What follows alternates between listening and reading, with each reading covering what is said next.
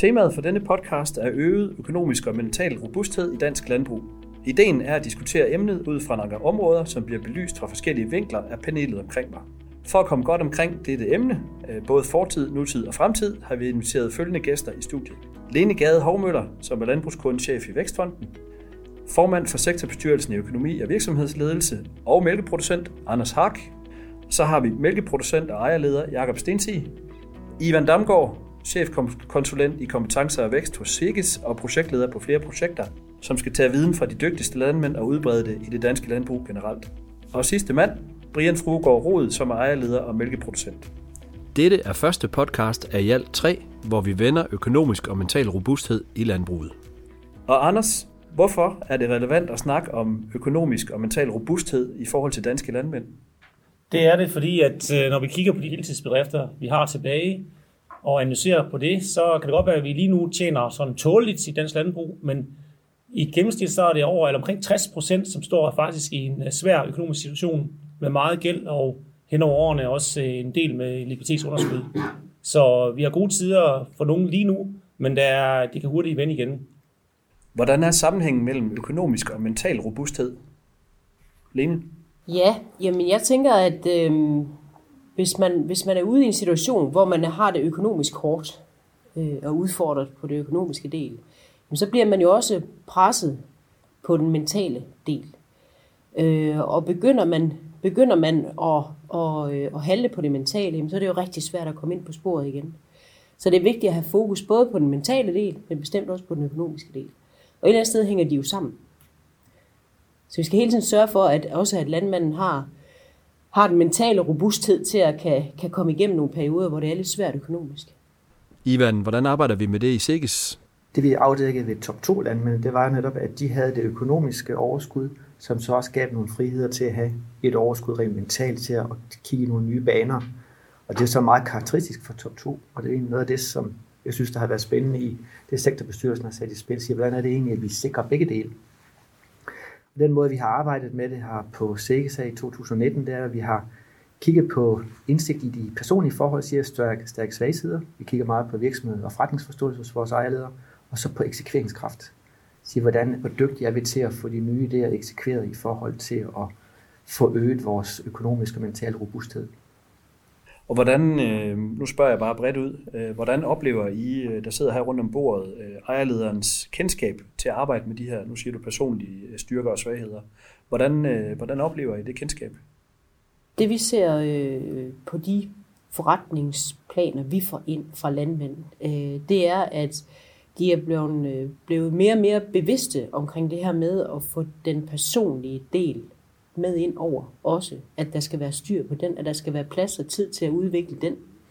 Blandt andet synes jeg, der danner sig et, øh, en stigende trend hos især de, de, de yngre landmænd, øh, hvor at de også, de også øh, tænker rigtig meget på at få, at få den personlige udvikling med.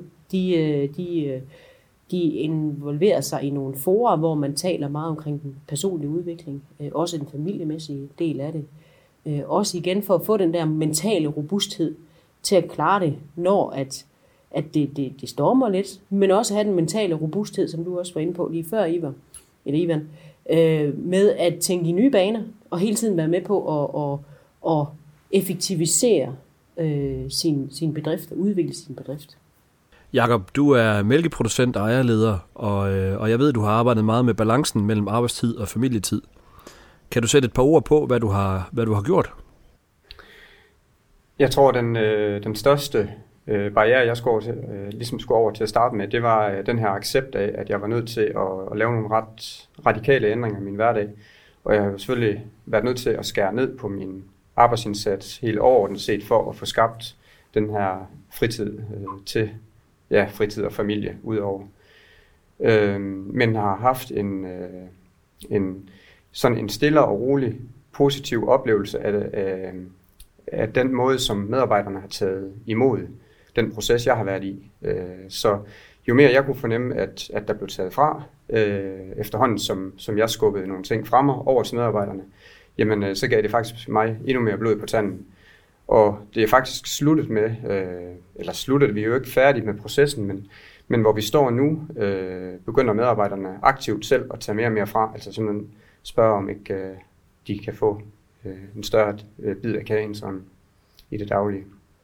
Og det gør det jo lige pludselig meget nemmere øh, at agere i og i det hele taget acceptere.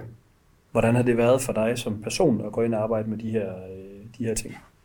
Det har været øh, vanvittigt spændende. Øh, måske lidt grænseoverskridende i starten, men det, jeg vil faktisk også kun sige i starten, fordi så blev det ligesom en proces, der bare rullede stille og roligt. Så det har, det har været og er spændende. Er det noget, øh, I kan genkende, øh, det som, som Jacob han siger her? Jamen altså, hvis jeg skal være noget for mig selv og for min virksomhed og for min familie, så, så skal der bare være balance i tingene. Så hvis jeg ikke har sådan tilpas øh, tid til mig selv og til min familie og til alt det sjove, så, så kan jeg ikke alt det andet. Øh, jeg har dyb, dyb respekt for folk, der kan arbejde solen sort og passe deres bedrift og skære ned på medarbejdere og alt muligt andet. Jeg synes, de, det er imponerende. Jeg tror bare på, at de sidder sig op før tid, og jeg tror ikke på, at de, de får tænkt sig nok om, og jeg vil stadigvæk huske på, hvad Ivans Top 2-projekt sagde for to år siden, ikke? altså restitution giver innovation. Så, så for mig der betyder det rigtig meget at have fritid. Jeg har også tidligere været lønmodtager, så der har jeg nok lært også at have ferie. Men det med restitution, som, det er jo også bare, det er jo så vigtigt i forhold til at kan, kan, kan, kan trække sig lidt tilbage og se, øh, hvis, man, hvis man sammenligner det lidt med en supertanker, der ligger derude. Ikke? Øh, hvis man er i maskinrummet hele tiden, så mister man fokus på, hvad retning er det egentlig, at skibet er på vej hen.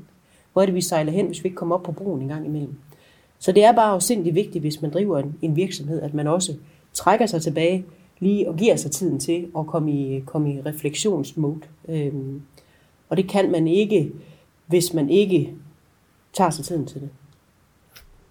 Ivan, øh, de landmænd, du har arbejdet med øh, i, øh, i, i de projekter, der kører lige nu, hvordan, øh, hvordan har de udviklet sig på, på deres, altså i arbejdet med styrker og svagheder?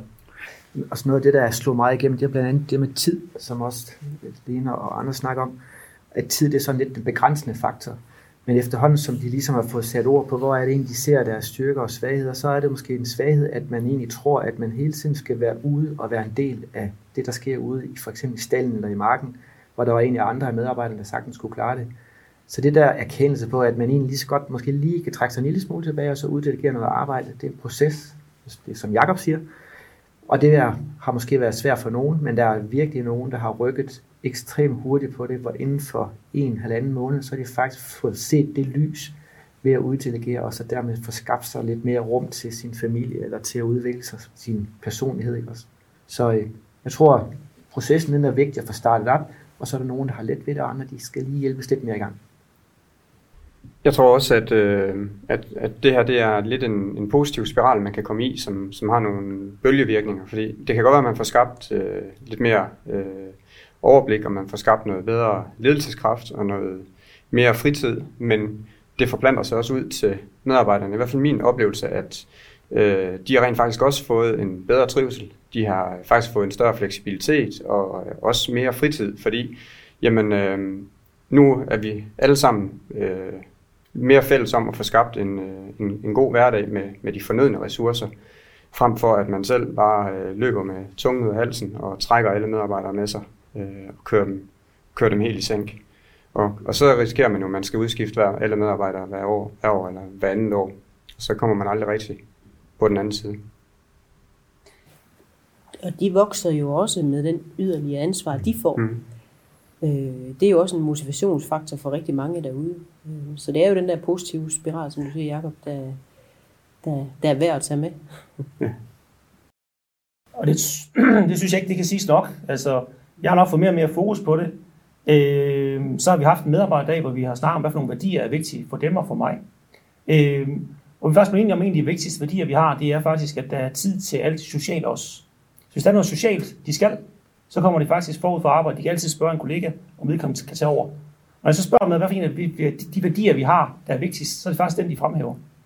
Det er, at de altid kan sige, at jeg skal til noget socialt, jeg skal til en fest, jeg skal til noget andet. Det kommer foran. Og det har jeg egentlig ikke lige set komme. Vi satser egentlig meget på det hele menneske. Hvordan er det egentlig, at ens liv er, som hvis man sidder som individ? Når man så har fået en hustru, og man har fået børn, så lige pludselig en anden kontekst, øh, man sidder i. Og når man så har fået en virksomhed, så hvordan er det, man får det her til at spille? Og der tror jeg, at øh, den diskussion har været rigtig, rigtig fin på første advisory board møde, som vi har gennemført med landmændene, fordi det er egentlig der, de finder ud af, at vi vil egentlig gerne arbejde med dem som hele mennesker og hele familier.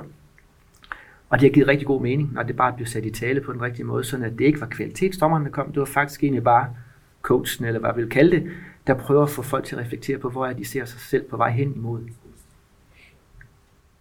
Ja. Hvor meget går I op i det hos Vækstfonden, Line? Altså det her, det hele menneske.